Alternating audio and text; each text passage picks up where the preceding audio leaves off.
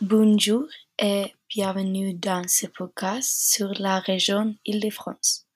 Je vais parler des faits, des attractions touristiques et de la culture. Commençons.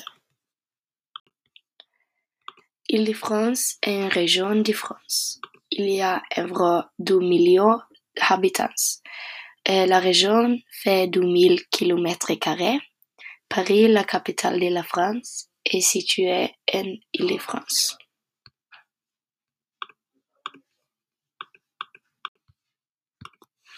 À Île-de-France, il y a plusieurs attractions touristiques.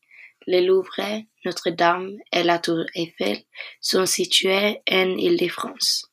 Le Louvre est un musée avec des peintures célèbres. C'est là que la Joconde est exposée.